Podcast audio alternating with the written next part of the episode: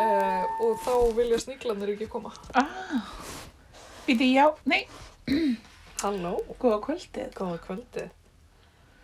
Við erum frú Móa og Lóa. Þetta var lélegt. Já, Við, þú. við erum, uh, ef ég er Lóa Og Móa. og við erum frú Frú Barnaby.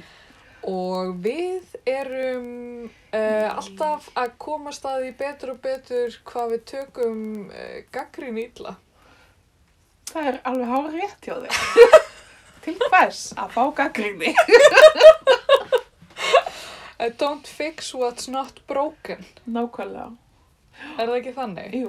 En við viljum taka fram að við erum ekki að hvetja til ofbeldis í hérna Garð Magnússon Helgasonar myndlistamanns á Akureyri.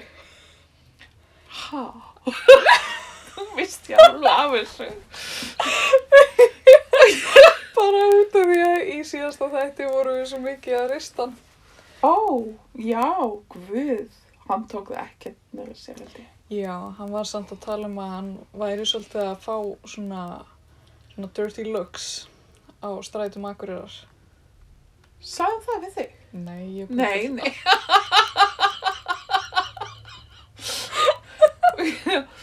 nei, guð, Maggi, bara eitthvað gaman að heyri þér. Alltaf. Slakað á. Hlakka til að sjá þig. Já, Í Hvern- sumar. sjá hann í sumar. Já, við neðast til þess. Maður fyrir Mm. alltaf norður um sumar. Já, ég skil þig. Það ekki. Jú. Þú bara norður. Ég fyrir norður. Ég, er, að- ég á meira að segja verk á síningu fyrir norðan í sumar. Nú er það Já, í listasamnu. já, Halleluja. Já. Glimma að neðast ekki til að sjá það líka. jú. Þú ert reyndar ábyggilega búin að sjá verkið, sko. Ok. Það er til sínis í listasafni Reykjavíkur sem stendur. Hér sem minnum á það. Frábær síning, voru við búin að tala um það? Ég ábyggilega, mér- Já. em, ég man ekki eftir því að mér finnst ábyggilega. Ok. En takk. Ég er mjög ánum með hana. Já. Hún er ennþá í gangi. Já, ég er enda að spá, ég þarf eiginlega að fara aftur. Áður en hún hættir. Já. Því að, já það er svo mikið af verkum annað. Það eru 130 verk Já, á síningunni. Já. Ég er bara að monta með því. einmitt, aðalega. einmitt. Uh, en já, það, það getur verið þannig að, eða þú veist, maður hefur bara ákveðið mikið úthald oftast á Já. sýningum. Maður ge, stundum, þú veist, ef maður er búin að taka inn og svo bara getur maður eiginlega ekki tekið meira inn. Nei, einmitt, eins og- þetta er svo þegar maður fyrir í lúfr. Já, nei, nákvæmlega. Þú veist, maður getur ekkert, þú veist, þó maður vilja sjá eitthvað meira heldur en, hérna, dömuna hana, Já, þá hefur maður ekkert eitthvað brjálaðislegt úthald. nei, maður er bara orðinn þreyttur í augunum. Já, maður getur ekki séð grísku og egypsku deildina. Nei, Þú veist. einmitt. Guð, ég man eftir, við fórum hérna í ferð til Parísar þegar ég var 19 ára. Þetta var hérna útskriftargjöf frá mamma og pappa Næs. og mennskóla og það var rosa gaman og við vorum í svona húsaskiptum Já. og hérna við vorum í húsaskiptum við konu sem bjó á bát Ok. á signu og var tóltið dásanlegt en við fórum á Louvre og ég var sko búin að gera heimavinnina mína tóltið með Louvre og búin að prenta út kort af Já. því mjög metnaðfullt og ég var búin að satsa út hvaða merkilegu verk væru þarna sem að mig langaði að sjá sérstaklega og, og ég eh, enn þann dag í dag er ekki búin að rata á vermir en Nei. hann er þarna einhvers staðar en hérna ég var búin að plana út sko leið sem við myndum fara í gegnum safnið Já. en svo bara komum við í safnið og hérna sjáum hérna Nike skúlturinn Mhm. og svo hérna Mona Lisa Já. og svo einhvern veginn þú veist, erum við bara að labba þarna í sakleysu okkar og, og ég er svona að reyna að stýra fjölskyldunni í átt að einhverju góðu flæmsku málverki eða eitthvað. Já. Þeirðu, þá, þá opnast einmitt og þá er þarna egypskald deildin oh my Allt í god, einu. já.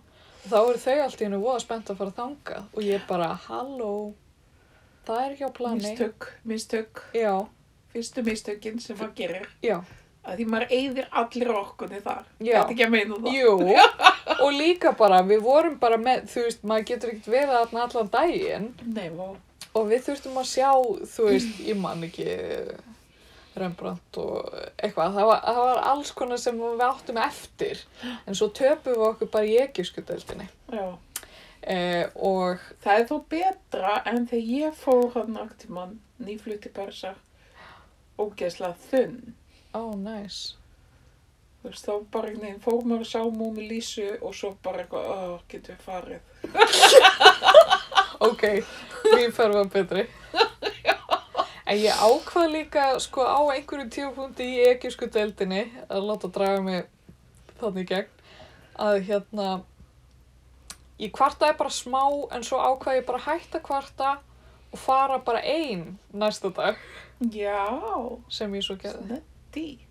Það var svolítið svona róm og date með sjálfur mér. Já, En ég rataði samt ekki á það sem að ég vildi sjá út af Nei. því ég er svo illa átt.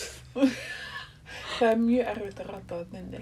Já, ég fór í gegnum hérna, íbúð Napoleons Ah, ah. ég hef ekki séð hana. óvart sko. Það er, eru húsgögn þar. Sem, sko, þegar við- ég fór hana síðast, það er tvö ár síðan, þá, já, tvö, já, þá hérna var ég náttúrulega búin að vera að vinna á þjóðminnusafnu. Mm. Ég var eiginlega bara í hjarta áfalli allan tíman. Ég er allir með bakpoka. Allir bakbúka, allir að fá sér að drekka, Já. fullt af fólki að pota, Oh. þú veist, í 3000, 3000 ára verk eða eitthvað. Já. og og þú veist fullt af svona rísa skólahópum sem var svona tróðast inn á milli grísku stittana og það var, maður var bara svona oh. og svo voru allir samverðirnir could not care less Ég held sko að við íslensku samverðinni værum að vinna þarna. Þá myndum við bara fara í burnout á fyrsta degi. já ég held það líka Maður er bara ekki vanur þessu álægi. nákvæmlega Maður finnst nú alveg nóg þegar það kemur skólahópur og þjóminnasamni. já Og jafnvel þá, þá þarf maður ekki annað en að horfa svona illilega á fólk sem einmitt. þið, eða svona oftast. það var aðgat eftir sér svolítið í því augnaróði Já, Svo líka því ég var svo dimt, þá gætt fólk alveg mískilið það. Fólk gætt, sá það ekkert endilega, maður væri eitthvað að horfa illilega á það. nei, ég, svona eftir á að higgja þá, þá er það sennilega rétt. Kanski voru það bara, var það bara að finna fyrir slæmum hugskeitum sem maður var, maður var að mögulega. senda áleiðis. Hérfi, en við ætlum ekki að tala um lúf. Nei, Það, þetta er garðvirki þáttur frú Barnaby. dauðans Já. í orsins, finnstu við? Þetta er stóri garðirski þátturinn og við höfum tvö megin umfyllunarefni. Eh, garðirkja og garðirkja. Mm -hmm. Eh, garðirkju þáttur Barnabís Já, og garðirkju þátturinn... Hvað heitir? Gardener's World, Gardener's World með Monty Don. Monty Dog og, og, og hundanum. Oh my god! Ég, ok, við byrjum aðeins á þessu. Ég og Starki erum búin að vera að bingja þetta Gardener's World. Já, það er líka ekki hægt að hæ, hægt að hætta að Nei. horfa á þetta. Og við erum líka búin að vera að lesa að það eru ókslega margir sem eru dottnir í þetta, í þessu COVID-drastli, að hérna, það er allir bara eitthvað að finna ótrúlega huggun í þessum garðirkiþáttum sem að Já. við starki viljum heldur kalla hérna, undir titlinum uh, hundar sofa í garði. Þannig þetta er bara eitthvað þessi Monty og hann er eitthvað umpota einhverjum laukum og svo er bara eitthvað close-up af hundunum hans þar sem þeir eru bara sofandi út í runna. Sko, ég er að horfa núna á frá 2016 Ok, og hérna Þá er sko litli hundurinn ekki komin. Jú, hann kemur þá nefnilega Oh, Nelly Hún- hann kemur og, og Monty er bara svona þú ert svolítið æst núna Nelly Býtu Nelly, já það er, þa- hann er samt svona stór appisnugullur. Mhm. Hann er bara setna sem að fær sko terrier sem er ógisla sætur. ok, er þá hinn farin með ný, ný, hvað heitir hann? Nigel, Nigel gamli hundurinn, hann er sko dáinn. oh, Hann dó í fyrra. ok, Það var ósköp sorglegt. ég ætla ekki að horfa á þá séri, ég ætla bara að horfa þanga til áður en allt þetta leðilega byrjar En sko litli hundurinn sem heitir Patty, hún er sjúklega fyndin. ok, Og hérna, og við horfum með, uh, meðal annars á þáttinn þar sem hann er að kynna hana til leiks. já Og þá heldur hún svona á henni og er bara eitthvað, við erum með nýjan hund. Sjáu þið? hann er svo spenntur fyrir þessu Já. hann var alveg svo spenntur líka þegar hann var Já. að kynna Nelly Já. hann er eitthvað svona já, hérna erum við Næ, hvað heitir það, Nigel bara eins og venjulega en í seinni þættinum gæti verið að það kæmi nýr gestur og þá er það mest spenntur við því Já. Hún var alveg fokk sama um alltaf þessa lauka sem hann er að dreifa út um allt. Allan garðins. Hann er alltaf að potta og umpotta svolítið mikið. Ég- Hann er rosalega mikið að taka einhverja plöntu, Færa hana. skiptinni Já. og færa hana. Já, mikið Hann í er því. Bara í því. Já. Í allan á 2016. Sko, ok, tölum um, eh, svona fyrst við erum byrjað að tala um Gardeners World, tölum um, þú veist, þetta eru þættir, uh, Monty Don er aðal hetjan, Já. hann er að kenna bresku, breskri alþýðu hvernig á að hafast við í garðinum Ég meint. og hann er alltaf súper jákvæður, Já. alltaf gaman hjá honum, þó að sé rigning eða leðilegt, þá bara Já. oftast er þetta sól hjá honum fyrst mér. Það er alltaf búið að vera rosalega erfur vetur Já, og blöytur. En vorið er komið, við erum jákvæð Mhm. og það eru bara blóm á leiðinni og bara alveg þvílíkt. Já, hann sé svolítið jákvæð hliðin og öllu. Já. Já, það er nú reynda rosalega kalt inn úti en Já. Og hérna, og, s- og þættirnir eru teknir upp á landareigninni hans sem heitir Long Meadow. ég meint. Og Long... sem virðist vera við ykkur á Já, sem fló- flæðir stundum hann á já. Og þetta er svona aðeins norðar en London Mm. og aðeins vestar. Ég- Ok. Í Herefordshire. Ég var starf ekki fórum að googla þetta og sem sagt og, og landaregninni hefur hann skipt niður í nokkra mismunandi garða já, einmitt og hann er alltaf, byrjar alltaf hérna erum við in the paradise garden já, hann var mikið að tala um núna í The Writer's Garden já, writer's garden hvað er það? eða þú veist hvað er hann að meina með því? ég veit, ég er ekki alveg komin til bóðs í því en Nei. ég held að þetta s- það sé kannski eitthvað svona garður sem maður situr í kannski og hugsar ó eða eitthvað svona ég, er bara, ég er Af því bara hann sýt, þetta er maður sem sýt sestkriðlega aldrei, niður. aldrei niður hann er alltaf að færa plönturna frá statista og hérna uh, og svo, svo er eitthvað sem heitir Kitchen Garden sem er fyrir svona þú veist, Grammati. grammiti Já, já. og uh, Cottage Garden líka held ég já. og svo ah, ég man ekki, þeir eru eitthvað svona nokkrir góðir og Paradise Garden það er eitthvað svona með svona áhrifum frá miðausturlandum, Ú, alls konar grös og svona einhver skrítin já, já, já, exotisk hann blóm. var reyndi að taka til í því síðast. já, var hann að minka uh, hann var með svolítið mikið af grösum þar Já, hann bara grísi, tak, fyrir sumarið, sko, já, já taka vetrar, grössin. Já. Sumt af þessu, mér er svo ótrúlegt samt sumt sem hann er að gera og þú veist, hann hlýtur að vera með einhver massíft mörg gróðurhús út að þú veist, sumar plantuna sem hann er með út í garðinum yfir sumarið þurfa að fara inn yfir veturinn. Já, einmitt.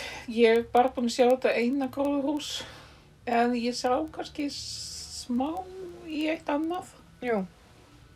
en maður þyrfti eiginlega að sjá svolítið yfirlitsmynd af þessu. Já, mér finnst það.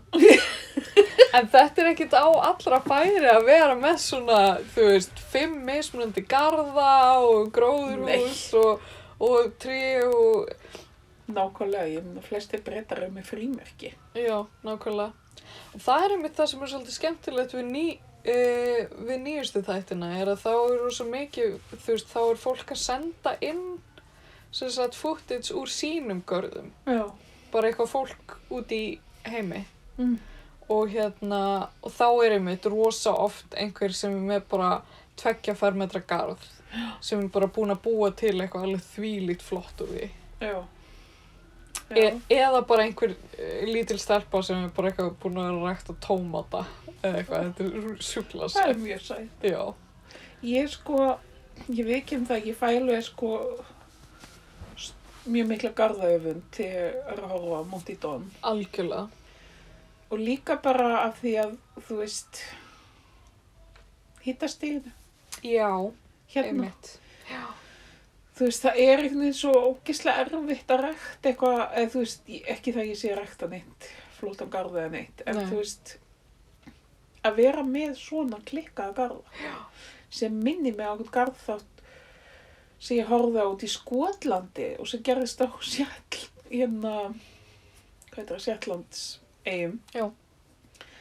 Að hérna, þar var kona, eða kalli maður það ekki, sem var með einhvern garð og og hún var að sína einhverjum garðagauður og það snýrist allt um að verja sig frá vindinum já, og það var svona se- eitthvað sem ég gætt tengt meira við sko. já, einmitt og þetta er einmitt þetta er einmitt actual vandamál af því að núna í sumar er ég og starkaður búin að ákveða að við ætlum að vera með matjúrtagarð Já, á Sauðanesi einmitt.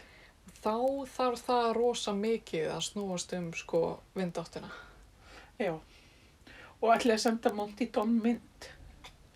ef það kemur eitthvað upp úr þessum garði þá ætla ég að bara senda það út um víða verð En þú, þú verðist að vera að fá þér svona akrildúk, það ekki? já, já, já, Ætlar að vera með akrildúk og svona rör, rör svona plaströr sem að e- fara í svona boga. Eins og sumir eru með. Já, uh, það er spurning hvort að það myndi lifa af rokið. Uh, það Sko er, ég sá að Monty Don setti bara akrildúkin beint yfir jörðina til þess að já, hlýjinni. já, En ég ætla pottið að gera það sko. Já. En hérna, en svo erum við eitthvað svona ekki alveg komið með hönnunina. Ég hugsaði að verða einhverju svona smá skjólveggir og svo jafnvel, þú veist, bara eitthvað svona smá lok eða eitthvað. Já, já, svona já. plast Já. eitthvað, ég veit það ekki það þarf einhvern veginn að búa til einhvern hita fyrir Já. greiðplöntunar kannski er þetta Svo náttúrulega er ómannilegt kartöblur, það eru náttúrulega klassiskar. já, við ætlum að setja niður kartöflur Já. við ætlum að setja niður gulrætur radísur og rauðróur Já. uh, og svo ætlum við að pröfa einhver svona grænkál og salut Já, grænkál lífi nú alltaf. já, Ég hef sett að mér bara út frá fræði, sko. Mm. Já. En hérna, hvað ætlað þú að vera með í þínum garði? Já, einmitt. Ég ætla líka að vera með garð. Sko, í bæði hérna út í garði og í löðdaln. Já. Þetta Það lýsir verður mér á. framleiðisla. Ok. Og hvað verður Sko, framleitt? Við Ég ætla fórum, að vera... vera... við fórum nú aðeins í fræjarleiðungur. Já, við fórum í mitt í fræðilegangur. Já. Hittust þarna á ótrúlegum Já, stað. Hér það er algjörlega mesta úrvalið þarna. í, í garðheimi. Tókst eftir því? Já. Já, það var mjög gott, það var mjög gott fræjúrval, Já. bara svona ykkur að segja að við erum not sponsored. Nei, því mér erum við ekki sponsort af þeim. Þetta er En- kannski aðeins að kíkja í það. Var ég búin að segja þér þegar ég sendi e-mail á Royal Já, nei. Þeir eru ekki búin að svara okkur. Svíðir. Já, óskutin. Hérna, já, ég, sem sagt, ég ætla að vera svolítið, sko, hérna, já, ég ætla að gera að vera klassísk. Já. Fara í allt þetta sem við höfst að tala um. Já. En svo ætla ég líka að vera með uh, svona að, aðra hluti, svo fennel, Ok, hérna, rósakál já, og svona savoikál, ok. e-, eða Savoy Cabbage, hérna, ég veit ekki hvernig það heitir á íslensku og en svo ætla ég að vera með allt salati það verður hérna úti sko Ok, og grænkáli af því ég hef rækta grænkáli hérna sko ok. Ok, svo er ég jafnvel að spá í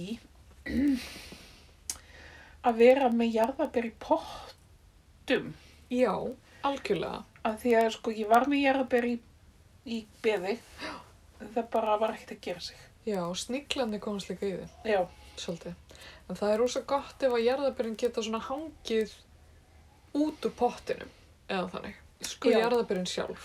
einmitt Og það, ég held að það sé, þú veist, ég er mikið búin að sp- vera að spá í þessu að því mér langar að vera með jarðabér á söðanessi og við erum með potta sem að við höfum venjulega verið með sumablóm í, já, mjög sorgmætt sumablóm, by the way, já, en hérna, en það er svona smá skugg, eða hérna svona skjólsælt hotn sem að væri hægt að koma þeim fyrir í alveg og hérna, uh, og þar langar mig að vera með jarðabér En ég held að jarðabér plumi sér mjög vel í til dæmis ef maður er með svona langan pott. já Ég held að það geti verið tilvinning, sko. Já, svo var hún líka að segja mér, hún, Anna Tóher, Já. sem var að vinna með okkur, hún var ekkert tíma, kefti eitthvað svona, svona háan pott Já, með loki já, og var með jarðberjaplöntur já. og hún bara var í framleiðslu. Býtu, Hún átti bara í vandræðum. hvernig háan pott með loki? skildi? Eða svona, svona nor- næstu eins og, kannski, svona svo lítið borð, skilur, Mhm. á fótum. Ok, já, Eða pottur á fótum einhvern veginn. Já. Og var með þetta á pallinum já. í suður. Já, einmitt. þá og ég, hún var alveg sko þvílíkt að framlega. Já, einmitt. Já. Og það er kannski eitthvað til að spá í. Já. Ah, já. Eru bændurnir ekkit að rækta neitt? Nei, þau eru bara svo fullt í fangi með hérna, Allt heitt. allt hitt sko. En þa það er rababari hjá þeim sem að Og það er eig- næs. eiginlega bara ég er að taka. En hérna, en ég ætlaði mitt að vera svona í smá samstarfi við þau og fá smá sko eh, hérna áburð hjá Já. þeim. Þú veit það. Já. Og ég Ég var er getur sendt suður. Ég, kannski. Þú getur líka bara kíkt í heimsókn og tekið smá skipnaði tilbaka. Heldur að unglingarnir væri ekki ánæður? Alveg. Þau mun aldrei koma aftur með okkur. Nei, valla. En hérna, en já, ég, var- ég var svona búin að, búin að vera að plana þetta og hérna, en svo, svo fór ég aðeins að skoða þetta með, þú veist, eins og gulrótarækt og ég held að það sama gildi um kartöflur að gulrætur til dæmis vilja ekki hafa of næringaríka mold. Nú er það ekki. Nei, þetta, þetta er bara eitthvað mjög nýtt fyrir mér. Að, hérna, að besta leiðin til þess að rækta gulrætur sé að hafa svona, jáfnvel svona svolítið söndugamold Já. og frekar svona næringarsnauða. Þannig að það ætti að virka vel á Íslandi, kannski. Já. Samt það hefur alltaf gengið ekkit sérstaklega vel hjá mér að rækta gulrætur. Ég veit ekki. Já. Þetta þótti mér áhugavert. Mm.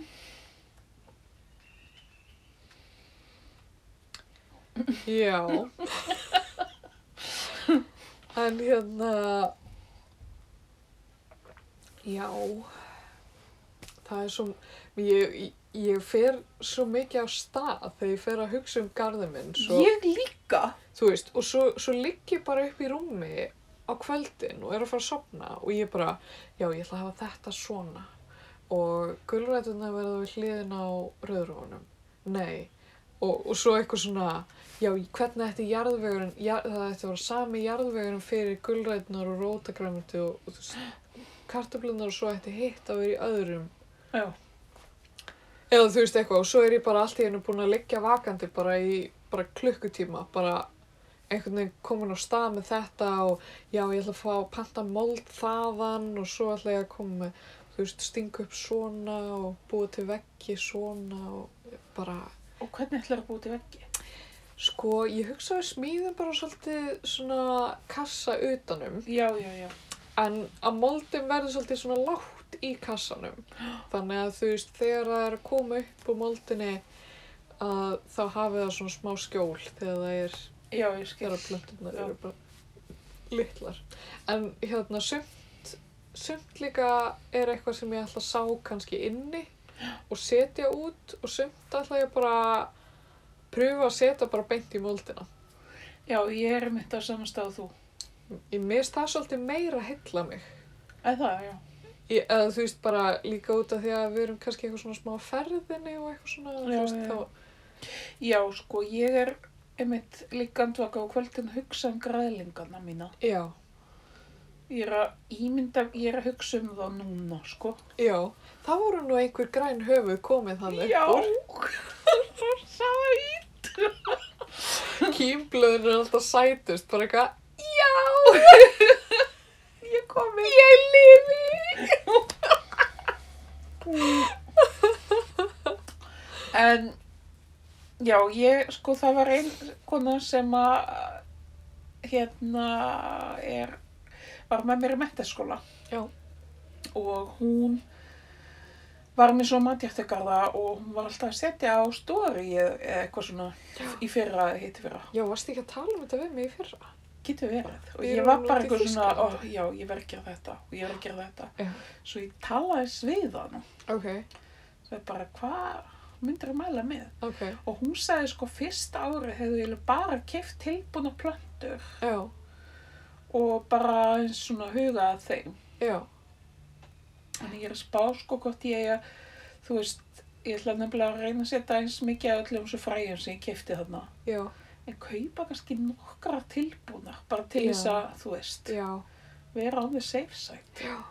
Já, ég hugsa til dæmis kryddjurtir ætla ég Já, um að kaupa bara tilbúnar og, og huga að þeim og ég gerði það líka í fyrra og vorum með tæm og, og hérna og eitthvað bara saman í einhverjum litlum poti en hérna já, mér er samt svolítið spennandi sko þú veist að kaupa þessi, að því nú erum við búin að kaupa þessi fræ og hérna mér er svolítið spennandi hugmyndir um bara, við fórum bara út í þetta svolítið blind, keiftum bara fræ af ýmsu sem okkur langaði í gulrætunar okkar eru fjólbláar Ég kefti líka þannig. ef þær komu upp eitthvað Já. þá þá verða fjólblókulöðu og e, þú veist það, þú veist, þetta kostar eitthvað en þetta kostar samt ekkert ógeðslega mikið Nei, nei, nei, nei.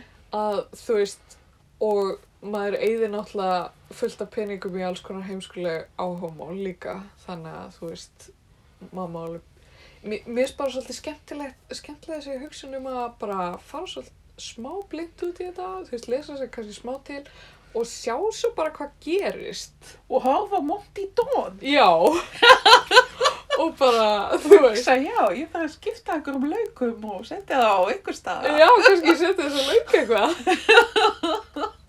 og hérna, já, og fá mig kannski einn, tvo hunda. Já, líka. til þess að sofa. Já, Eða fá kókó til að leika, sofandi hund. já. Nákvæmlega. Þú veist, ég held, ég held bara að, þú veist, stinga niður hennar garð og, og smíða einhverju umgjörðu utan um þetta og, og setja niður einhver nokkuð fræ. Ég held að það verði bara útrúlega skemmtilegt lítið ævintýri. Já, ég held það líka. og þú veist og ég var einmitt að hugsa líka bara ef þetta, ef þetta er eitthvað svo að gerast þú veist, ef að, ef að byrja bara kál og eitthvað að koma upp úr jörðinni hversu magna er það Það er náttúrulega dásamlegt. þú veist, og svo, svo kannski er eitthvað gott viður og ég ætla að setja sko matjúrsta hérna garðana eh, þeim megin við húsið sem að, sem að ég sest oftast þegar er gott veður. Ok. Hvora megin er það? Það er sunnan megin. Það er þar sem að fánastengin er og Já, já, já. gerfuglugginn. Sem að við tjöldum. Já, ætli það ekki. Eða, það er ekki það sem stíin er inn í húsið. Nei, nei, nei, ég meint. En hérna, en það er svona skjólselast þar Já. oftast, ekki reynda þegar þið tjöldu. En hérna, Enga veginn. nei, en e, þú veist, ef það er einhvers staðar skjól þá er það þarna og þegar það er gott viður á langarinsi þá er alveg fínt. Er það Við- bongo? Það er alveg oft bongo. Ok. Spennu. ekki oft kannski Nei. en, þú veist, það gerist og hérna, þá held ég að plöntur og líður rosa vel þar og, hérna, og þá sé ég líka fyrir mér að það er svona eitthvað gott við þá fer ég kannski, eða þú veist líka kannski vondu veri, að þú veist fer ég út og týni smá arfa og Ah. Já. kíkja eitthvað svona á þá og eitthvað svona, hefa eitthvað svona mission út, Einmitt, já. skilurðu Já. Að Mér langar svo, það, það er svo oft, þú veist, til dæmis þegar gott viður þá veit ég ekki alveg hvað ég á að gera. Já, já. Þú veist, ef ég er í vinnunni líka til dæmis. Einmitt. Að þú veist, þá stundum laumast ég út með bók og, og set þarna upp við vegginn. Já, Einhvern veginn. það er nú, það er nú gott pastime. Það er mjög notalegt. En svo finnst mér líka svona industrious að mér að vera nýta vinnudaginn líka í að reyta arfa og hugsa um matjústakarinn minn.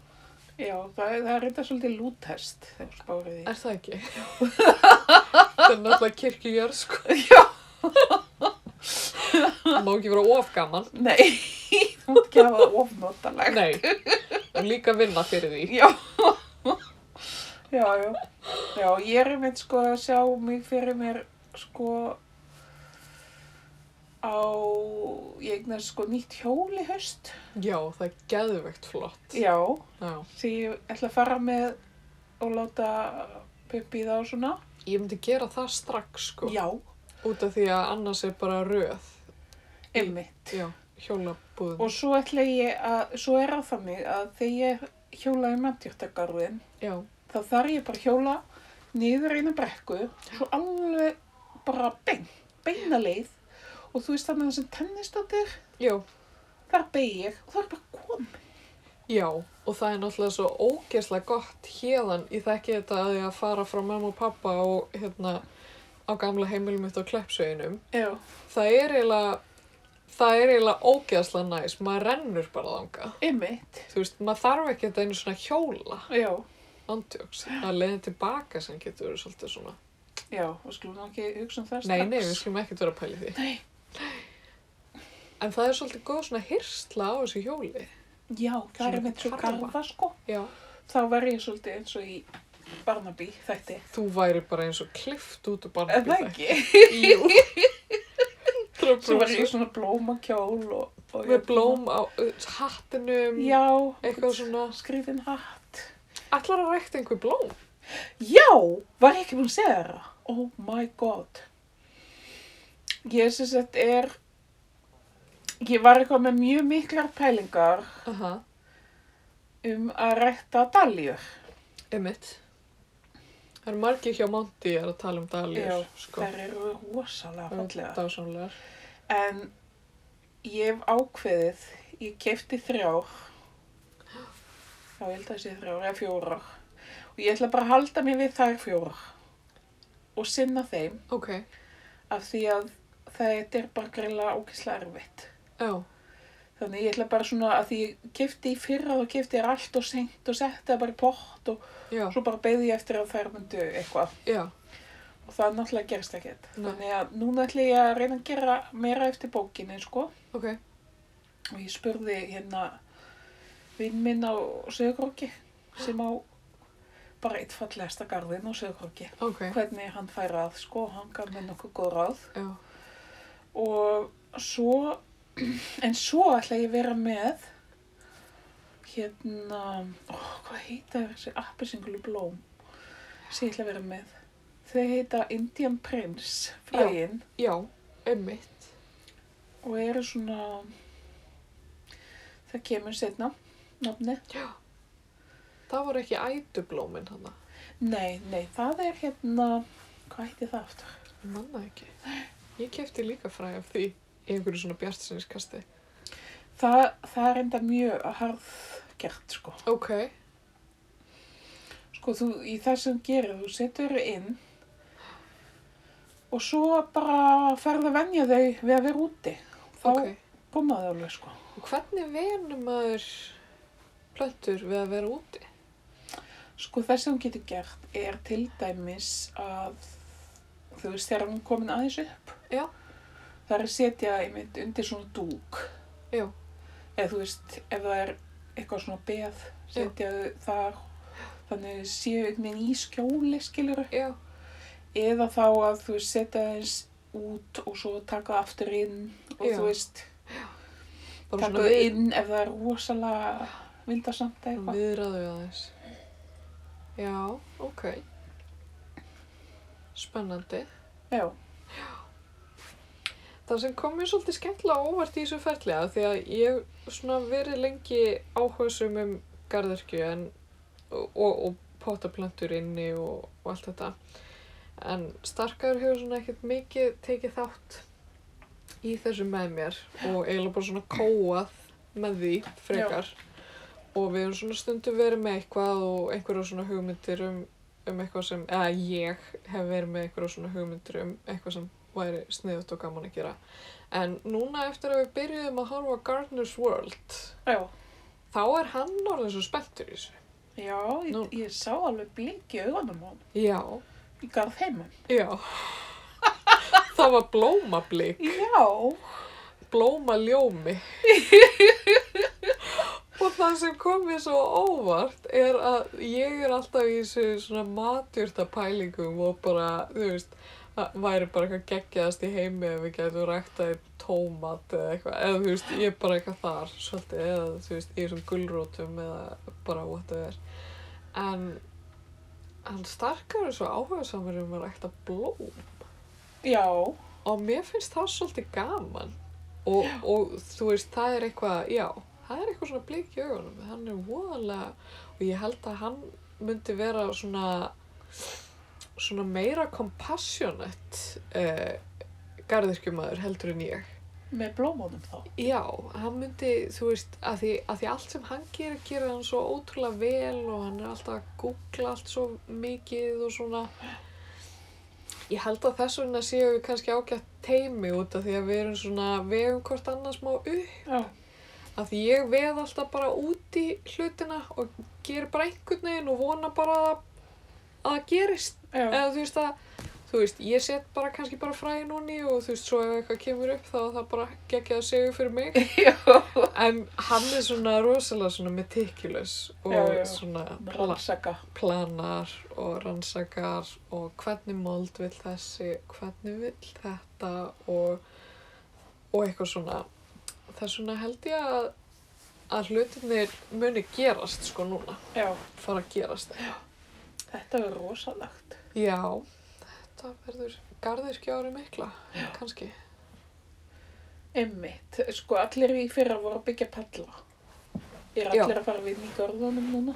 Ég spái því. Ég veit ekki hvað því ég hef sagt frá því áður en hérna, við fórum sko nokkur sinnum í Bíko og Akureyri fyrir vinnuna og vorum eitthvað að reyna að kaupa eitthvað efni fyrir hérna, nýju sýninguna á Söðanissi. Já.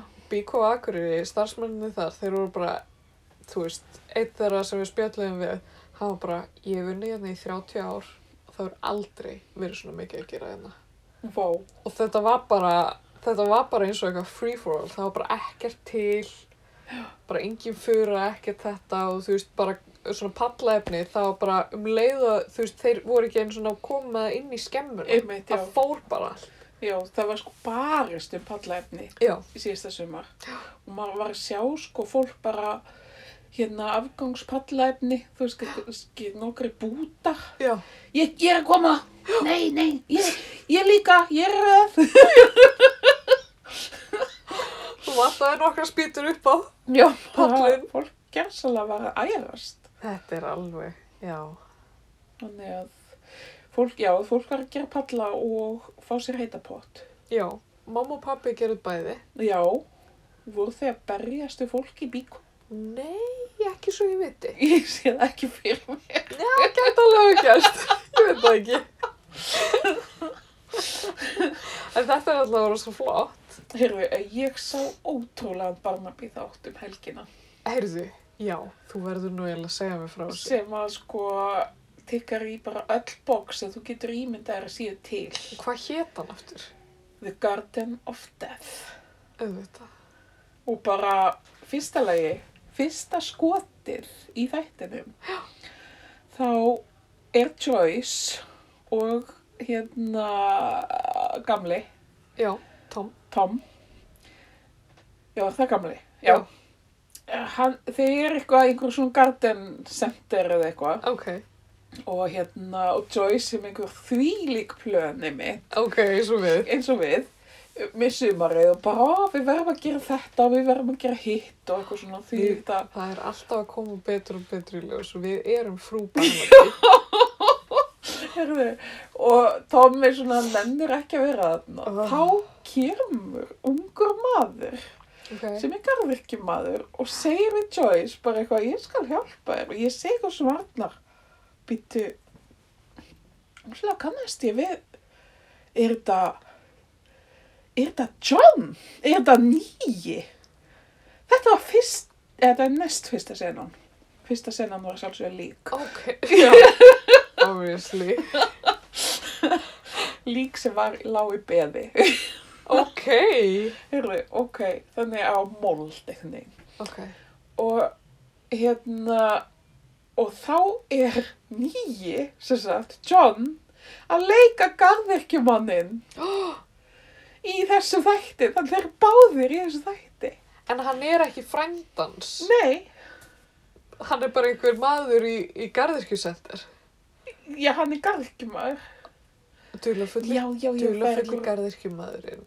og hann er dulafullir og hann er svo innilega grunaður Ok, heldur bara að hann sé Ah. morðingin. algjörlega Oh my god, og hann er algjör flagari og hann er svona pínu svona evil halló. Þe- sem er svolítið skrítið af því að það er einhvern veginn ekkert slæmt í nýja Barnaby Vá. En segðu mér aðeins frá framvindinu í þessum þætti. Hvað, hvað Já. Sko- getur þið ná? Það þetta byrjar á líki sem er þannig gróðusett í byrjun. þetta er besti Barnaby þáttur ever Ok. Maggi, þú verður að setja á pásu núna Nei, djók Þetta er bara svo góðu þáttur Ókei. Ég verð að segja frá þessu Ok, komdu með það. og það verða allir að horfa á þennan þátt fyrir sumarið Ok. Áður eða bara að vinna í garðinu. Já, sko fyrst sér maður bara eitthvað lík og bara, og það er hérna, er ekkert með það strax. Hver, hver er þarna látin? Við veitum það ekkert. Ok. Nefna hvað að svo er, sem sagt, kona sem á, uh, hérna, Memorial Garden Já. sem að, það sem garðkjumaðurinn er að vinna í. Ok. Og hún, uh, þú veist, fyrstu semnar, það eru svo marga personur að það er mjög erfitt að segja frá þessu þætti. Ok. En það er kona sem á garð og hún ætlar að eiginlega garðinn og hafa tea room. Ó já, og allir vilja ekki hafa þetta tíma Já, allir á móti því. Allir alveg brjálaðir. út af einhverju kaffs. Og, og þú veist, Var- nei, við viljum ekki tehús. Hvers konar kapitalisti er hún? Það er líka bara í Midsommar eru hérna, þorpsbúar up in arms about tea room in memorial garden. Ó guð. Ok, svo kemur sérst í, já, svo hún á tvær dætur. Eina Já. sem er sem sagt skilgetinn og önnur sem bara nýlega komin til hennar. Ok. Og virtist eitthvað að vera óskilgetinn og eitthvað mjög skrítið með hana. Ah, hún er svona, sko þessi ljósarða, hún er algjör pæja og er algjör kvikindi já, og þessi nýja, hún er bara svona algjör mús, algjör aumingi, oh, er alltaf út í garði að lesa ok. og garðurkjumærin er alltaf að reyna við hana Oh, typist. og eitthvað. Nefnum hvað, fyrsta morðið er dóttir þessar konu. Ljósara. og það er hérna, hún er sjálfsögum eitt með, Skóklu. já, stunguskoplu Oh my í garðinum god. Ok. og, og hún er eitthvað búin að vera úrslega kvikindisleg við sýstu sína Jú. og hérna rappar eitthvað og maður er eitthvað, þú veist og það er enginn sem saknar hennar fyrir styrra nema mamman Já. Ok. og hérna amman er algjört skass Ok, sorry. Ég elska þegar það er eitthvað myrtur í midsommar og það er allir bara eitthvað, æjó, hún var alveg tussa. já, Eða Eitthvað, maður er eitthvað bara, ok, þetta þið, var manneskja þið eru rosalega vant fólk. Bara, ah, s- svolítið leðilegt annað og en þú veist, samt ekki. nei, allavega Það geta að sem fara að gráta. sagt, svo fer mamman Já, já, svo notabenni það er hundur sem finnur líkið auðvitað. Heyrðu, eins og ég okkar þetta. já og hvað hétt hann eitthvað Prinkles eða eitthvað Ok. og hérna og hundur sem sagt úr biskupsetrinu Ok. með kona sem að er- er hann að rekur þetta biskupsetur á hann hund og eitthvað. Ok. svo segði Akkur, þegar akkur er hundurinn í þessum garði? hún er bara góð að labba með hundin sem sagt konan á biskupsetrinu Já, já, já, ok. fyrirgefðu. svo sem sagt fer mamman verður rosa sorgmætt og fer að rífast við ömmuna og bara allir hatana og hún vill gera þetta týrum og Já, og þannig hún ákveður að gista í biskupsetrinu biskupsetrinu ok. af því að mammin er svo leðileg Já, amman. já, Ok, mjög furðulegt twist ok, já, Herði, hún er nummer tvö auðvitað. og það er fárálegt veistu hvernig hún er myrt Hún er eitthvað læst inn í herbyggi. já, og það er sko eitra fyrir henni Já, með einhverju Með- salati já, sem lítur ókslega illa út eða pestói, já, pasta pestó já. Ég man eftir þessu. já, og sem lítur ekki vel út og Nei, þú veist, ég hefði aldrei borðað þetta en nei, ég sé þetta nei, ég meitt þetta, þetta leit ekki alveg vel út. Nei, nema að sem sagt, morðingin treður þessu svo upp í Já, munnin á henni. Einmitt, út í hún var ekki að fá sér það. Já, og s- læsi svo herbyggin og eitthvað og það, það halda allir að þetta sé sjálfsmorð Já, af einhverjum ástæðum nema ekki amman sem er bara, þetta var ekki sjálfsmorð já, og, og náttúrulega Barnaby líka já, og garðverkjumæðurinn, hann lætur ekkert af þessu á sig fá. ok, hann er alltaf á okkur þessum einhvern veginn á þessum grunnsalegu stöðum að færa til lauka. Í- já og svo þú veist, svo er hann alltaf að reyna við eitthvað kvann fólk þannig maður hugsa bara þú veist, hann er greinilega eitthvað hann er með mótíf sko. Já, ok. okay. svo, hann er í erðaskránni Já, einn af þreymur erfingjum ok. af Vá. það með Oriol Garden Hvað, akkur ætli það sé? ég, að því hann var svo við á þeim öllum meðgöðum, nema þessari nýju Í alvöru? Já. Oh my god. Og hérna, já, já, já, nema hvað að, já, og svo er það enn eitt morðið. Já, Og sko, það er einn kona sem talar hérna á fundinum sem er mjög mikið neyri fyrir af því að Já. pappina gerði garðin já, á sín tíma ok.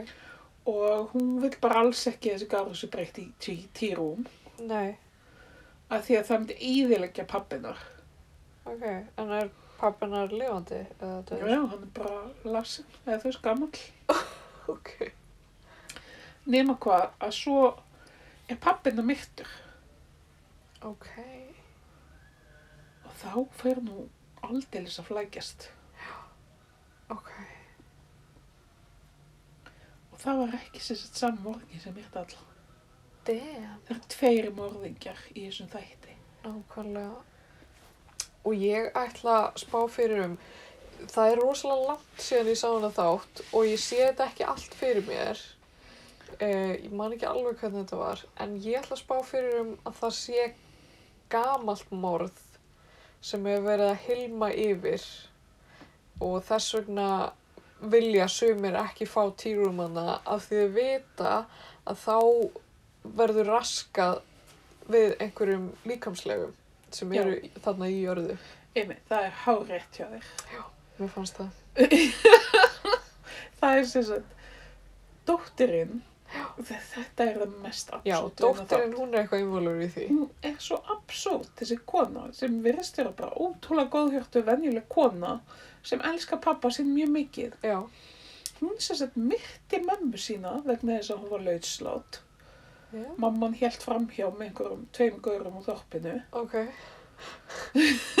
oh my. og jarða hana í garði föðu síns Ok, og leta eins og hún hefði farið. Svo pappinar myndi ekki fá áfall. wow. Hérfi, svo ákveður hún að myrða pappa sinn þegar þau finna líkja að mömmina. Hæ? Wow, ok, psycho. Þannig að það er mest psycho við þennan þátt. Ok, en, en hann að ljós er það sem var myrt hann í byrjun. Já. Var það sýstir hennar sem myrt hann? Já, það er sýstir. Hún, það var svo auðljóst eitthvað að það ætti ætti að vera hún. Já. Að maður einhvern veginn grunaði hana aldrei. Já, nokkulega. Þannig að svo hún líka myrti mömmina. Ok, wow. Bara eitthvað, þið vildu mig aldrei, þið elskuðu mig ekki og eitthvað svona. Ok, wow. Og svo kom ljós að hún var dóttir biskupsins sem ætlaði að verða eitthvað bla. Ah, ok. Þannig þetta eru þrjúsi þáttur. Þetta var kallikaði þáttur, mæli með. Ok. Og sko, það voru nokkri lögur hann að færðir til.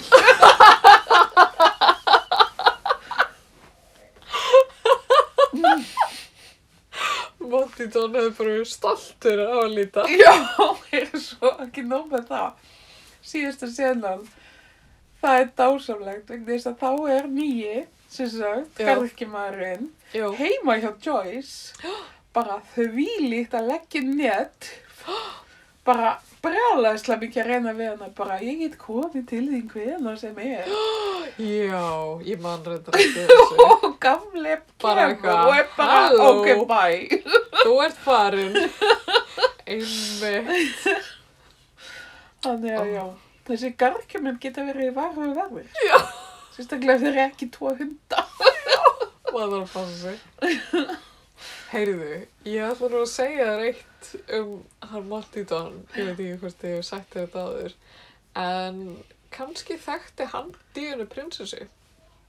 Já, er það? in the 80s hann var sko eh, ótrúlega ríkur eh, og af því að hann var skarkripa hönnur Já, ok, býtti, þú varst eitthvað að tala um þetta. og hérna ríka og fína fólki var svolítið að kaupa af honum einhverja flotta skarkripi Já. og svo eh, ég veit ekki hvort ég er að fara alveg rétt með söguna en hann fór eitthvað gæðið illa úr hruninu og Rín veltaði sjálfan sig sem garðirkjumann Ok, eða þú veist þessi persóna sem hann er þú veist í sjónarfinu ég er ekki að segja að, það, að, að, að þetta sé eitthvað svona Ö, nei, feikað en þú veist en hann sem sagt fann, fann sér nýjan feril já. í garðirkjunni Þannig Og að að hvað vera gefa svona... jörðinni tilbaka. Já. Nei, djók. eitthvað svona En pældi ég að vera bara eitthvað, þú veist, ég get ímynda mér eitthvað svona gett nettur gaur, eitthvað skarkrupa smiður fyrir elítuna í Bretlandi, bara Já. Mm. eitthvað að sniffa kókain, Einmitt. 80 eitthvað, skilur og svo bara, svo er allt bara í rjúkandi rústum og þá rís hann upp sem þessi maður í, Stígvillanum. í stígvélum og hör, Já. það er svo allt sem hann klæðist sé úr hör. Já, allt bara eitthvað svona svolítið þægileg föð samt svona eitthvað. notalegt og hann er oft með hérna axlabönd sem er svolítið svona kósi Já. eitthvað og hérna hárið bara svolítið svona En hann er búin að vera með þessi þætti heil lengi. heil lengi Ég horfði á þetta út í Skotlandi. já, já, Þetta er, og svo, svo er reyndar, finnst mér rosa skemmtilegt, það er fleira fólk sem eru svona recurring karakterar sem eru eitthvað svona að fara og, og sjá garðana hjá einhverju Já, öðru já, fólki og já. eitthvað svona. Og það er einn sem að, sem að er eitthvað svona garðvirkju sagfræðingur aha, og þú veist, Ah, Rachel eða Carol. ég veit ekki hvað hún heitir, en hún hérna, hún er oft bara eitthvað, þú veist, hún í einu þættinum fer hún í garðin sinn og er svona að sína einhverja svona sakfræðilega plöntur sem að hún á og akkur hún heldur upp á, þú veist, þær og þú veist, er, hún var eitthvað að reykja sögu þess e, e, var að reykja sögu garðflata Já, sem sagt að það var eitthvað svona, þú veist, ótrúlega luxus að vera með svona þ- eh, l- stóra fleti af bara grasi já, af því að, þú veist, sláttuvélar voru náttúrulega ekki til í nei, gamla nei, nei, nei. þannig það, það þótti ótrúlegt þú veist, merki um ríkidæmi að þú gast haft, þú veist, 30 manns í vinnu bara með orvulja og Já, að hérna slá grasið á hverjum degi af því að það náttúrulega vera svona já, já, já, þeir, þeir, já. alls En konar magnað, svona Já, skemmtilegi svona tidbits þú veist, skemmtilegt. veist það er bara dálítið góði þættir Já, þetta ekki en sko, en þú veist, brettar og, og þú veist, þeir eru eitthvað svo finnir og skrýtnir. já, þeir eru það Þú veist, með þess að garða sína, já, teð og lesta. Það er sérka bara það eina sem þeir hafa áhuga á. þetta er svona þjóðasálinn svolítið Já. Já. Já. En bara eins og þegar hann var að skoða ykkur garða þarna. Já, við tala ykkur svona ungan mann mm. sem bara var garðkjumæður í einhverjum garði sem Já. er bara einn vinsalasti mest skoðaði garður ykkur stöðar já, í Breitlandi. Já. Og hann segi, já, þetta var bara þvílíkur draumur að vera komin í þetta starf. Já. Það var bara, þetta var bara svona algjörlega hápunktur fyrir. Já. Hann var satt bara ungu maður já, og hann var að ég syns, sjá um einhvern garð sem einhver rithöndur hafði átt og já, þetta var og sem var reyndar mjög fallegur sko Já. svo náttúrulega kom flóð fór hann allt í á fjandars nei og það voru myndir af honum með hann garð sinn og, og þú veist hvað ég segja, við einhvern veginn eða þú veist eins og ég man líka eins og hjá ömmu sem var mikil garðkona já, þú veist, það er eitthvað svo miklu meiri, meira vesen stundum að vera með garð hérna. Já. Þú veist, nokkrum, eða þú veist, þó nokkrum gráðum norðar. já, Það er bara ótrúlega eitthvað, já já, tekið út með sældinni nei, stundum sko já, en sko svo er þetta einmitt svolítið skemmtilegt alltaf að skiknast inn í svona starfsumhverfi annað já, þú veist, eins og einhver sem er eitthvað head gardener í einhverjum þú veist, almenningsgarði einhver staðar Einmitt. Þú veist, eh, og, og sko, hérna, yfirmaður minn fyrir norðan er reyndar garðirkjumaður nú, í grunninn, sko horn nú upp, er hann ekki danni? Jú.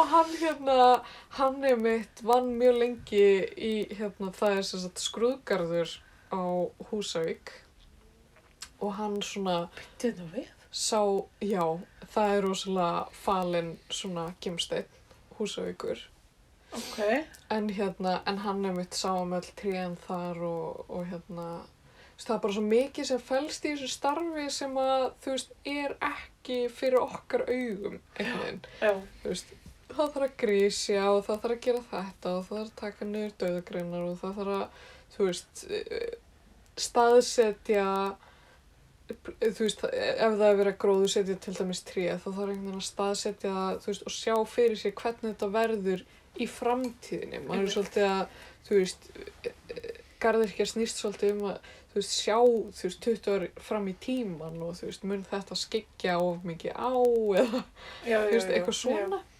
en það er Já, svolítið sem er áhverjast merkilegt að sko, hérna, Mamma býr í húsi þar sem skóraktastjórin já, átti heimi, aha, Ágúst Heldi Bjarnason sem að líka sko flutti inn alls konar af þessum trjáplöttum ah, sko sem að margir er núna komnir mikið á móti eins og alaska öspinn og allt Já. þetta. já, Og þegar hún flutti inn þá voru rísastór alveg þrjú eða fjögur bara hjúts tré já, og einn svona alveg 60 metra alaska ösp eða eitthvað. ok, Og það var einmitt svo sem að datta húsið þannig. já, Og þú veist, þetta er ekki stór garður. Og hann verið sér gaf sko allri götunni. Þess að auðastrættinni. já, Trjáplöntur, þess vegna er, þetta er rosalega mikið grænt, hérna, gróin gata. En ég er að hugsa sko, einmitt hvort þetta hafi allt saman verið þannig sé út hugsað sko. nei, ég held nefnilega svolítið ekki, Já. Því mér finnst þess að garðirkja á Íslandi er svona, og sérstaklega í árdaga garðirkjunar á Íslandi, að þá hafi fólk bara verið svo spennt að, að þú veist kom með eitthvað sem myndi vaksa Já. og, og hérna og eins og ég var nú lengi að vinna í garðirkju í hérna kirkjugarnum í Fossói Já. og hérna og það er sem sagt allt fullt af bartrjám þar Einmitt, það er eitt þarna sem að, alveg því líku já, bartrén þarna og ég vann á svæði kirkjarsinn sem er svona með þeim eldri og það var svo leiðilegt fyrir okkur í vinnunni að því alltaf það var gott veður já, var og alltaf við, skuggi. við vorum alltaf að vinna í skugganum Já. og hérna svolítið glatað en það er sem sagt það er bannað núna að setja niður svona tré í kirkjagarnum Já, einmitt. Ég, ég bara er ekki hissað því það er eitt Nei. þarna risavaksið. Við hliðin á það sem að við minn og amma og pappi eru. Já. Og það, þú skikir svo á, þá allt bara er náttúrulega dettur. já, það er Á- ekki hægt þú veist, Þú það, veist. er, það vex ekkert gras undir því Nei, og, æ, þetta er eitthvað. Skikir og Mm. Amma var mjög oft eitthvað að tala um bara, ó, ég er ekki hægt að láta taka þetta tré og eitthvað svona. Já, Áður en hún fluttist okkar, sko. Hún var Já. ekki að spá í þessu. það, En já, en það er bara þetta ennþá. já, einmitt. En við vorum einmitt, við erum svolítið verið að fara svona í eh, göngutúra í hérna samkomu takmörkununum Já, og hérna ég og Starki eða, eða bara ég eða stundum hefur við tekið Ástís sýstur með okkur og hérna Ástís var einmitt líka í hérna á unglingsárunum að vinna í Fossús kirkjögarði já, ok. Þannig við fórum þarna um daginn, sko. Og hérna, það var í fyrsta lagi svolítið skrítið að vera þar að vetri til. Og það var dimmt og kalt og svona. Einmitt. En hérna, svo fórum við á alla, alla svona helstu staðina og kíktum á all finnustu nöfnin sem er í kirkjugarnum. það var svolítið fyndið að, þú veist, maður er að vinna, eh, var að vinna, þú veist, á staði í kirkjugarnum sem voru ekkit endilega margir að kannski koma að heimsækja það því að þá eru kannski aðstandundunir svolítið farnir að falla frá líka Já, einmitt. og þá var maður svolítið að sjá um leiði sem að kannski ekkit margir að heimsækja Já, já, já. sem er svolítið skrítið, þú veist, út af fyrir sig, maður er að reyta arfa diligently í garðinum og hérna og leggja torf og l- rétta við steina og eitthvað svona og hérna, mjög skemmtileg vinna þannig séð, nema rigningasumari mikla sem að var síðasta sumar mitt, þá var hvað ég, ég ætlaði aldrei að vinna þann aftur Býtu, já. Það er, ætla það að verið 2013. Ég held að það hafi verið síðasta sömurinn mitt potið. Já.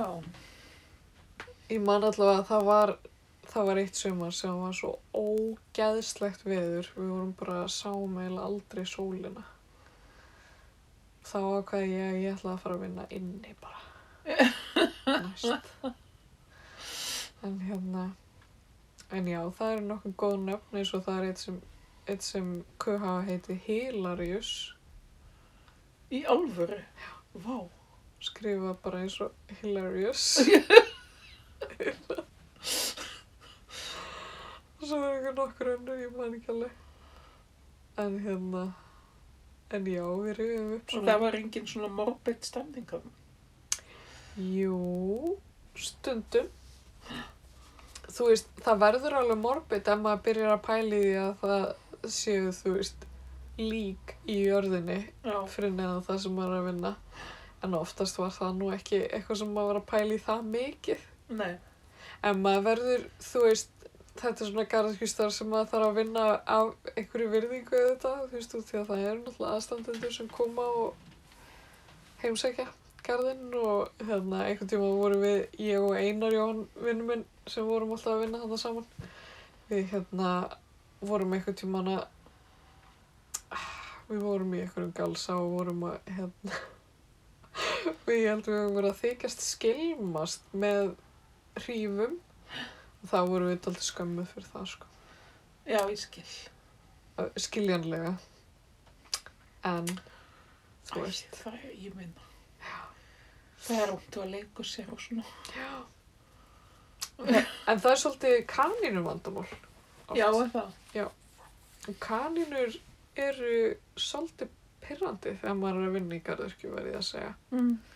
þetta er ekki vandamál sem við munum hafa á, á söðanessi en en hérna það, það var oft þannig að sko hérna í kirkjugarðinum þá var hópur fólks kannski þrýr, fjórir sem að voru í það sem hér blómahópur Já. og það var fólk sem var á svona litlu svona golfbíl og fór um garðina hérna gróðusetja blóm eftir pöntunum En hugulegt. Já, og það var alltaf mesti draumurinn minn að fá að vera í blómahóp. og hérna, en sem sagt, það var rosalega pyrrandi út því að kaninum finnst silfurkampur mjög góður. Já. Og þú veist, það var rosalega oft sem þær voru búin að vera, þú veist, það voru bara stelpur í þessu þegar, að- þegar ég var, en ég veit ekki hvernig það er núna. En hérna, en þær voru kannski búin að, þú veist, gróðursetja svolítið af einhverjum fínum stjúpum og morgunfrúm og... Já. Er þetta ekki morgunfrú sem ég er að fast? Herði, jú, appisugullu. Já. Já, já, já, já. En hérna- Skál fyrir því. skál hérna já en þá voru þær búin að hérna eitthvað svona pródustíðan dag daginn áður svo keira þar framhjá og þú veist þá er kanirinn það búin að grafa allt upp Hansans. og, og geta silfukampinn og, og einhvern veginn Og búin að bara rústa jólin öllu. hjá þeim. já yes ah, já Æ, kótin. já En ég meina, já hérna, heyrðu, já, við ætlum að breyta svolítið til í þetta skipti. ég var það Já, við ætlum sem sagt ekki að hafa dýrnhótt. já Í pussarhóttnið. Non-DNA hot. Og við, það sem við ætlum að gera, og ég vona að þú takir þátt í þessu með mér, auðurlóa, það er að, að, hérna, það er mínútu þögg. Er það? Ég er ekki að djóka. Er þið saman að ég fara á klósitið á meðan? Ef ég fer bara núna þá getur ég verið komin eftir mínu. Ok. Bíti, bíti, ég ætla nefnilega að taka tíman svo ég þurfi ekki að þegja allan tíman. um.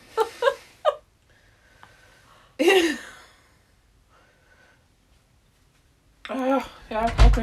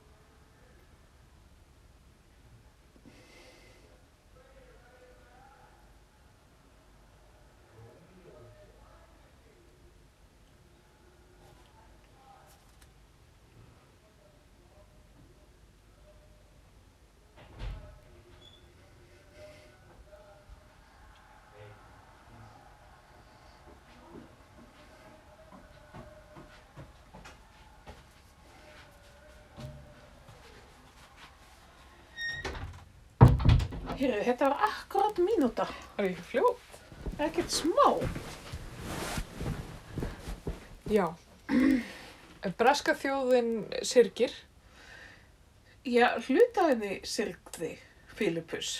Já, og hluti að henni var að ringja í BBC á kvarta. Já, Lastu þessa grein? já, hundrað og eitthvað þúsund manns færtuði yfir of mikillri umfjöllum. Of mikill umfjöllun og röskun á línulegri dagskrá. Já, það Ha, var svolítið gott. mér finnst það mjög gott. Bara, hvað, ok, hann dó, hann var líka 99 ára gammal. Bara, so fucking what. Ég vil bara sjá mitt í stendur. Já, Halló. á Masterchef.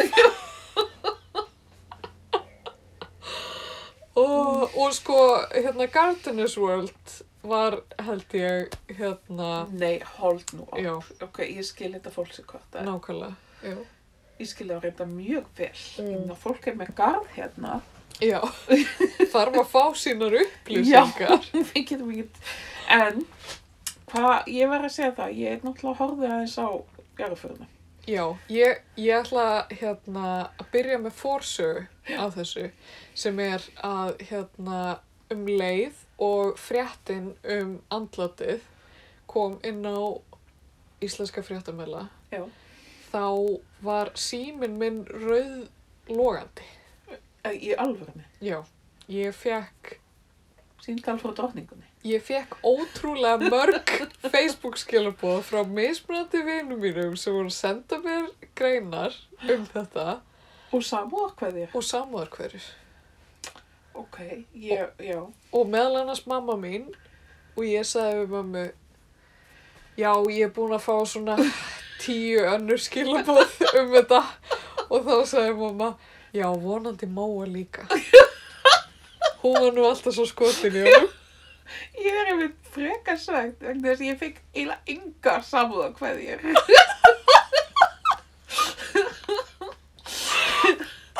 Og ég horfði á alla helvitis jarðförðuna. Allt skotin. En já, ég verð að vikið það að það má nú nýmislegt segja um hann Filippus. Mm. En þetta var svolítið erfitt, Já. fannst mér. Það er líka svolítið erfitt að ímynda sér drottninguna þarna eina einhvern veginn. Já, finnst einhvern veginn, þau eru búin að vera svolítið gott teimi, sko. Já, gengi í gegnum súrt og sætt, Já, já, en satt haldið það út, þú veist, einmitt. og sama hvort að, þú veist, hvort að rómansinn var ennþá til staðar, þá verðast þið hafa verið ákveðs vinnir allavega. Já, og bara hann alltaf með þetta blek í augun. Já. Það er svona einhvern veginn, hann átti alveg greila hjarta hennar Já, absolutt. til því end, sko. Já. Já, Já, en þe- þetta, já, ok, ég ætla ekki að segja mér að þótt þetta erfitt, en þetta er svona, mér við það, að ég er anti-royalisti og hef óstjórnlega mikið náhuga á konusjörskildinni. ég veit ekki hvernig við myndum greina okkur, Móa, og ég veit ekkert á hverju við erum svona eins og við erum. Þetta er einhver, það er einhver greining þarna. Þetta er einhver sjúkdómur. En þá slóða mig þegar að hann dó einhvern veginn, Já, pínu lítið. Já. En það er náttúrulega, þú veist, þetta er bara svo með plöturnar á á hausti. það deyja allir, svo satt. Líka konung fólk. Konungsfólk, já. Já, Það er kannski mest áfallið. já. Að Einmitt. þetta sé mannlegt eftir allt saman. Kannski er maður að upplifa eigin döðleika. á Já, einhvern hátt. þ- ég nefnilega hafa hlustað svolítið á BBC þannig daginn eftir Já, og ég gera það svolítið um helgar. já, Hlusta á BBC af einhverjum svona gömlum vanna. aha, Og hérna, ég hef heyrt frá skosku vinu mínum, sko, ég hlusta svolítið á BBC 2 já. að það sé sko svolítið elda fólk sem hlusta á BBC 2 um helgar. Ég skilði, ok, og þeim finnst ég eitthvað búið að gamaldags sko, en samt eru þau miklu eldra en ég ok. allan að ég var að hlusta og það útasmaðurinn var nánast grátandi. Ok. Allir sem voru að tala við hann voru bara, já, þetta minni mig svo á þegar afi minn dó í fyrra. Og það voru einhvern veginn allir Wow. sem að talaði við, voru það alveg þarna. Ok. Þannig að sko, já, samkvæmt þessum þætti þá var öll þjóðin að syrkja. Jó. En ekki samkvæmt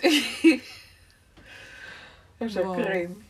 Ég, ég las eina mjög skemmtilega grein. Það er búið að vera rosa skemmtilegt uh, að vera á netinu.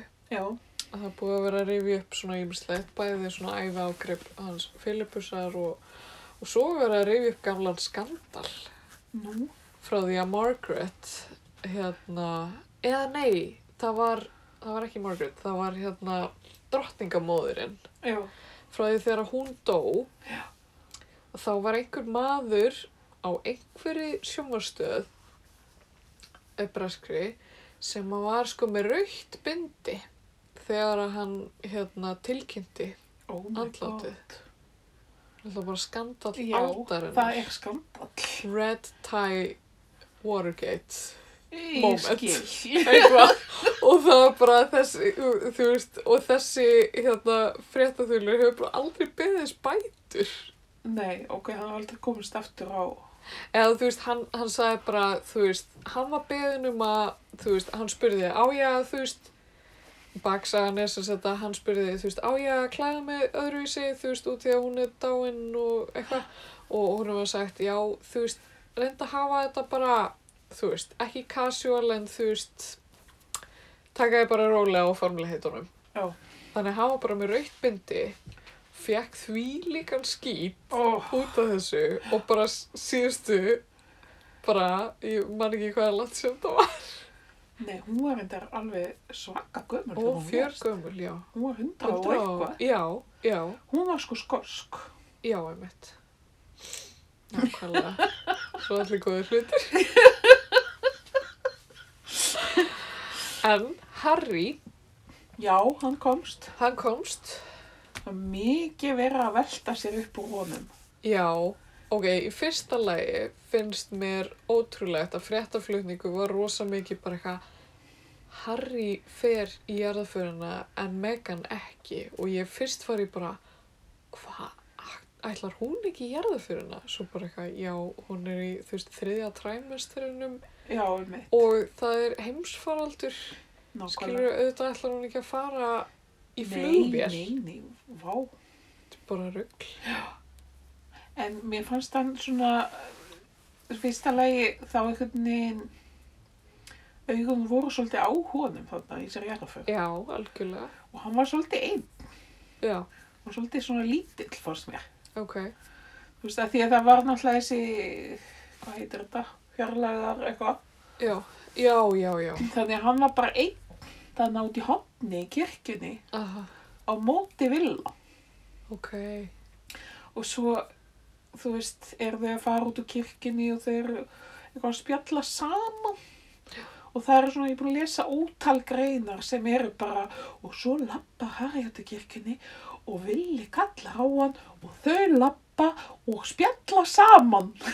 Halló, bara bræður að tala Og það er saman. bara, og það er tólkað út í hinn óendanlega. Já, Já, og sástu hvernig hann var að svipið þarna? Og sá, þú veist, þetta er svona, þetta er svona eins og þegar að menn eru að lýsa fótboltaleik. já, Svolítið. En þú veist, ég veit það ekki, bara give people a break eitthvað neginn, Já, þú veist. Fólk getur alveg verið hvað sem það er og samt spjalla saman, þú veist. Við getum alveg sérst tala saman í listasafni Móa Lóa, spáðið, við værum Já. einhver svona nixlismáli já, og svo allt í einu bara frú Barnaby er ósáttar. já, og svo kæmi Móa Lóa, sást tala saman fyrir framann listasafn Íslands já. hvað var á steiði þar? Já. og þú veist, þá er ég kannski að segja, heyrðu, hvað er klukkan? Já, hvaða fræ ætlað þú að kaupa í garðinum? Ég meina, maður þarf ekkert að deila skoðinum og maður þarf ekki einu svona að vera vinir til að tala saman. Nei, Ég tala oft við fólk sem mér líkar illa við. emitt. Þú veist, það er bara mjög auðvelt. Já, og líka, þú veist, þegar það verður svona, þegar afiðin Já, deyr, þeir deila fjölskyldu. ymmit, þú veist, þeir eru og mun alltaf vera blóðskildir. Já, Æ, ég veit það ekki, þetta er stundum eitthvað svo, hvað heitir þetta? Ruglað. en finnst þið þetta ekki hafa breytt svolítið narratífunni, Harry og Meghan narratífunni? Að því mér, þú veist, eh, þú veist, fólk ve- er búið að vera ótrúlega sympatíst gagvart þeim. Já. En svo núna finnst mér þetta hafa verið eitthvað svona, ó, Philip, hann var svo góður maður, Obama var að segja að hann hefði verið svo fyndin og skemmtilegur. Já, og bara allir eitthvað Já, já. að tala um hva, hvað hann hefði nú verið notalegur maður og þó góður hún hafi oft verið algjört óleikindi tól Já, og verið svona makkar í einhver svona, já, já, þú veist. algjörlega. Já, jú, það er alveg rétt, þetta breytir narratífni og... Já, og auðmikja drottningin orðin ekki og, og þú veist, fjölskyldan bara harmi slegin og, og hann hérna, þú veist, hann Charles bara eitthvað með einhverja ræðu. Þeir Charles var reyndar alveg nýðu brotin í þessari jarðför. Já, Hann var, maður fekk nána saman með honum, sko. já, En sko því að þannig að ég meitt í kringum mynda Megan Harry, þá var ég alveg orðum ótrúlega þreytt á honum, Charles. já, Síðan var hann grátandi. Það er ég veist ekki segja meira um hvað ég er ókslega meðvið. já, bara Með á, ma- grátandi fólki. ekki gráta. nei, nei. Þetta er allt í lagi, Kalli minn. Ég skal hugga þig. Ég skal sjá um þetta. Ég skal laga. Ég skal bara tala við Megan. Kanski, kannski við ættum að gerast einhvers konar mála með, meðlunar. Já, en það er sko, það er svo við seg, höfum oft á tíð sagt að þessi fjölskylda hefur á vissanhátt mishæfnast að nútíma veðast. Já, En þau hafa samt alltaf, það, það sem við alltaf skýni í gegn, er að þetta er bara mennst fólk. já. sem er alveg átakalega breyst.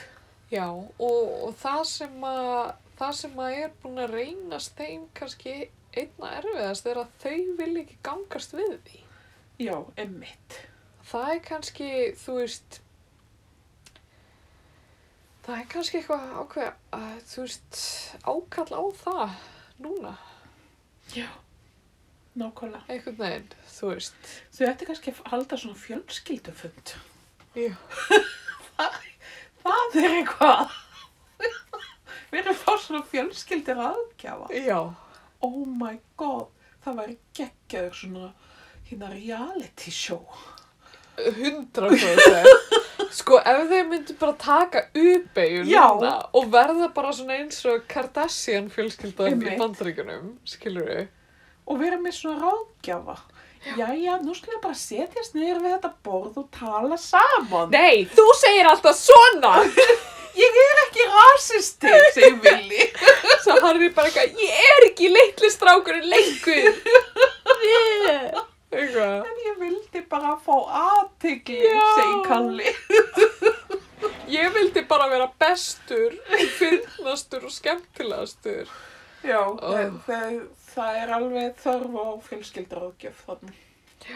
Ég sko held reyndar að þetta væri ekki raunveruleika þáttur sem ég myndi horfa á nema Diana væri ennþá lifandi. Ég held að þetta væri best þá. Já, en ég held að það, í- það hefur svolítið sínt sig að maður er ennþá að velta sig upp á þessum fólki. Já, kannski. Stóðið hafi fullkomlega brugðist díjanu á sín tíma og svo núna Megan. Já. Maður er alltaf að velta þessu fólki fyrir sér. Já. Þú veist, og ég horfði á þessu blessu ég er fyrr og var ekkert að skammast mín fyrir það. Hvað? Hva, hvað heldur ég að sé Harry og Meghan brúkuðu oft? Oft. Þú vilt ekki vita það.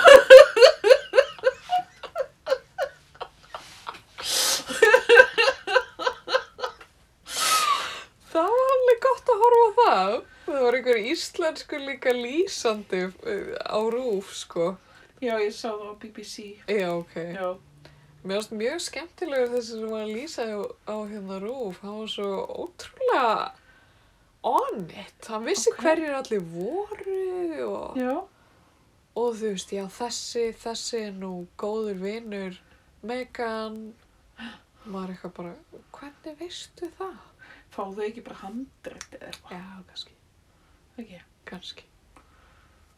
ég held að enginn sé eitthvað andvakaði við því að kynna þessi á það. Ég veit það ekki. Sumir Nei. kannski. Kanski. Kanski. En það, svona fór nú um sjóferð þá. Já, og upptökustjórinn er held ég að klóra á hurðina. Gat verið. Já, og hún mjálum að líka. En hún er að, hún er að láta okkur líka vita að tímamörkin eru... Já. Við, Já, eru tímamarkin að nálgast? já, við erum að renna út á tíma hérna. Æsæ. Hefur þú eitthvað að segja um Filippus, Kókó? Hún hefur allt að segja um hann. Já, en það, það verður aðteklisvægt að sjá hvernig fer, fer núna um drottninguna. Já, og við höfum engan tíma fyrir uh, sundlögarnar. Eða hvað? Jú, hér við hefum nokkra myndur. Það eru opnar aftur. Þær eru opnar aftur. Við vorum með svona segment í síðasta þætti sem ég fannst svolítið skemmtilegt sem voru að- að tala um sundlögar sem okkur finnst gaman að fara í. Já, já, já. Mér finnst svolítið eins og við ættum kannski að halda því áfram. Ok. Um, Árbæjulegin, já, kósi. kósi. Sko, ég fór einu sinni, ég hætti að fara í árbæðlegina því með það var svo mikið að gælum það. Ok. Ég er ekki tekið eftir því. Ég man bara, ég fór svo mikið í árbæjulegina sem krakki og mér Já, er svo ok. gaman sem krakki í árbæjulegin. Sko, ég var að fara stundum með stelpunnar í árbæðlega því hún er svo skemmtilega mitt fyrir börn. Já, já. En, veist, konina voru allar svona Skvísur. mjög miklar skvísur. Ok. Mjög svona naktar á vissu svæðum. Ok. Til dæmis, má segja þetta í útvarpinu. Já. Um, Á píkunni. úps, bíp, eftir á, heyrðu, já, og svo, þú veist, æ, það voru eitthvað svo rosalega pælegar og, og svona, með svona, æ, ég sé tattoo, þú veist, Já. aftan á bakinu, Eða svona trampstam. æ, ég veit ekki, ég, þá einhvern veginn fekk svolítið svona, minnst þetta ekki góða fyrirmyndir, kannski? Nei.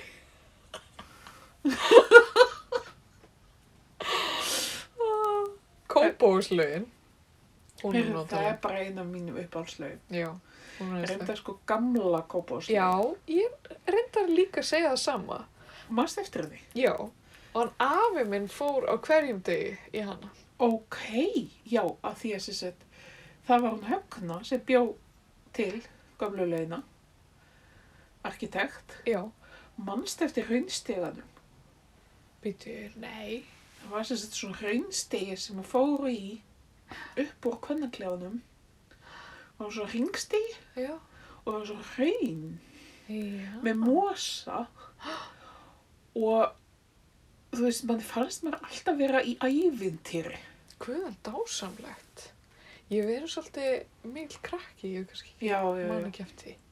Ég man sérstaklega eftir einni ferð þar sem ég er sem þetta jafna mig eftir eh, einhvers konar hlaupabólu eða eitthvað.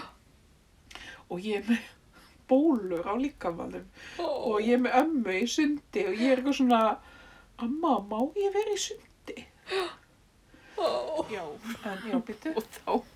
Var ég eitthvað svona, já, amma, en ég er með fullt af bólum, má ég samt fara í sund? Já. og amma bara hvaða hvaða og hún, amma má ég það sko, hún hjekk svolítið mikið með mér í sundi, hún gæti alveg hangið í marga tíma. Ó, já, næs. Góður sundfélagi. Já, alveg bara dásanlegu sundfélagi. Það var, já. En hvað segjum við? Eigum við að segja þetta gott í dag? Já, fyrir við ekki að gera það bara. og bara rekti ykkur vel. Nei, Já, segir hún það? njótið vel í sundi. Ég veit ekki. Aldrei loka aftur sundi, halló. Halló. Heyrðu, COVID er búið. Nú, Í júni þá bara, allt er búið. nei þá verða engar svona ráðstafanir lengur og engar samkomi takmarkanir. Meira og minna. Wow, Varst ekki að horfa á fréttina? Í- jú.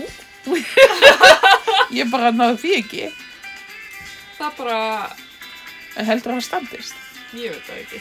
Nei, ok. Það er verið að lofa þessu núna. Er ekki svolítið svona að reyna að lofa upp í armina sína fyrir kostninga? Jú, ætli það ekki. Já, ég vona alltaf að ég þurfi ekki að vera með grímu í vinnunni sem Oh, hata það. ég hata grími.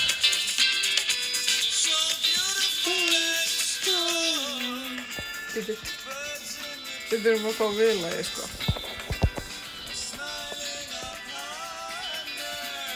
Æfa svolítið það.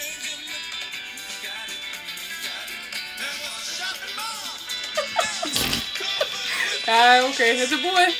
Ok, Þetta er búið. þetta er ekkert að koma.